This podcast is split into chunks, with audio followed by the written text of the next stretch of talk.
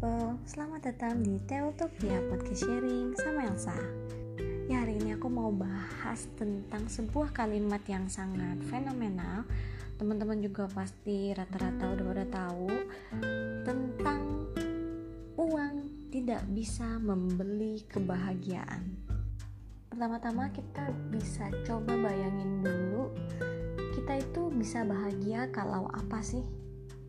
Kalau nikah, kalau punya rumah gede, kalau sering jalan-jalan, kalau punya anak yang tumbuh dengan sehat, kalau apalagi pasti masih banyak, masih banyak kategori bahagia-bahagia yang menurut teman-teman yang pasti beda-beda setiap orang.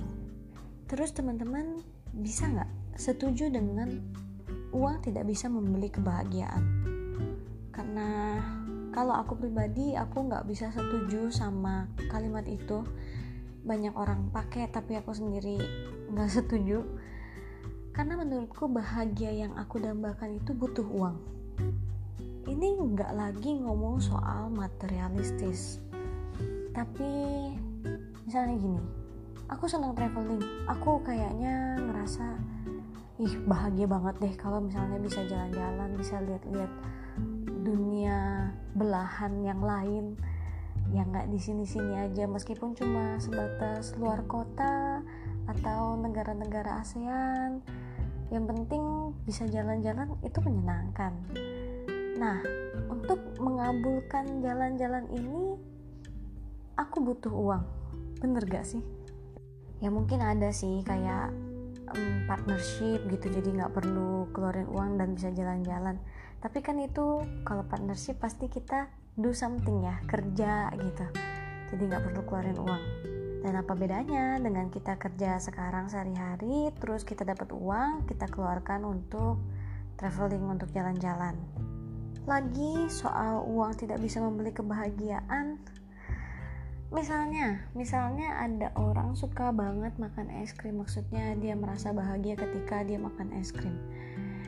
Es krim itu kalau kita mau makan kita harus beli bener gak? Atau kalau misalnya kita mau bikin berarti kita harus beli bahannya beli alat pembuatnya dan kita beli kulkasnya untuk jadiin dia es. Dan semua yang beli beli beli beli ini ya butuh uang. Terus apa lagi ada yang katanya kalau bahagia itu ketika keluarganya juga merasa bahagia.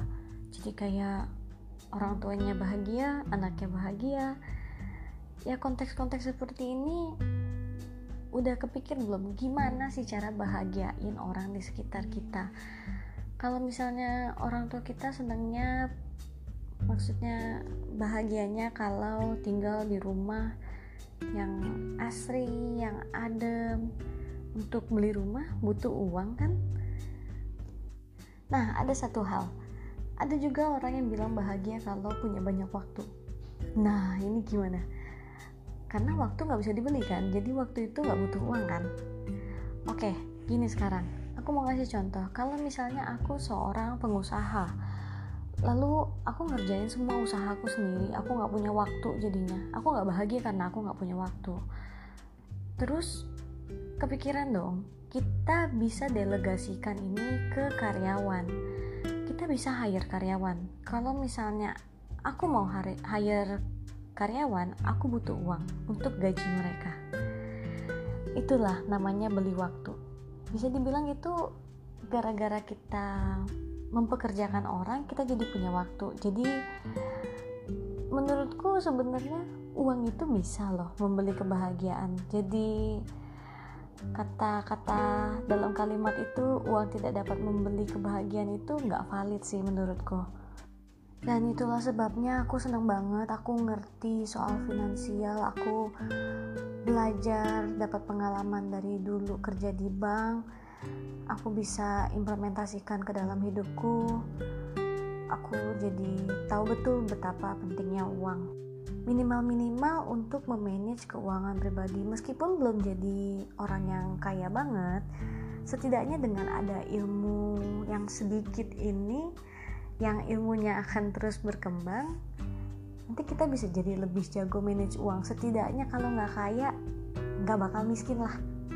Jadi nggak ada kata terlambat untuk teman-teman belajar tentang finansial juga nyobain investasi juga cari tahu lebih dalam dari financial planner lain bagaimana memanage keuangan yang baik karena ternyata uang itu bisa loh beli kebahagiaan Oke, sekian dulu sharingnya kali ini. Mudah-mudahan sharing kali ini bisa membuka pemikiran teman-teman sekalian biar bisa manage uang lebih baik lagi.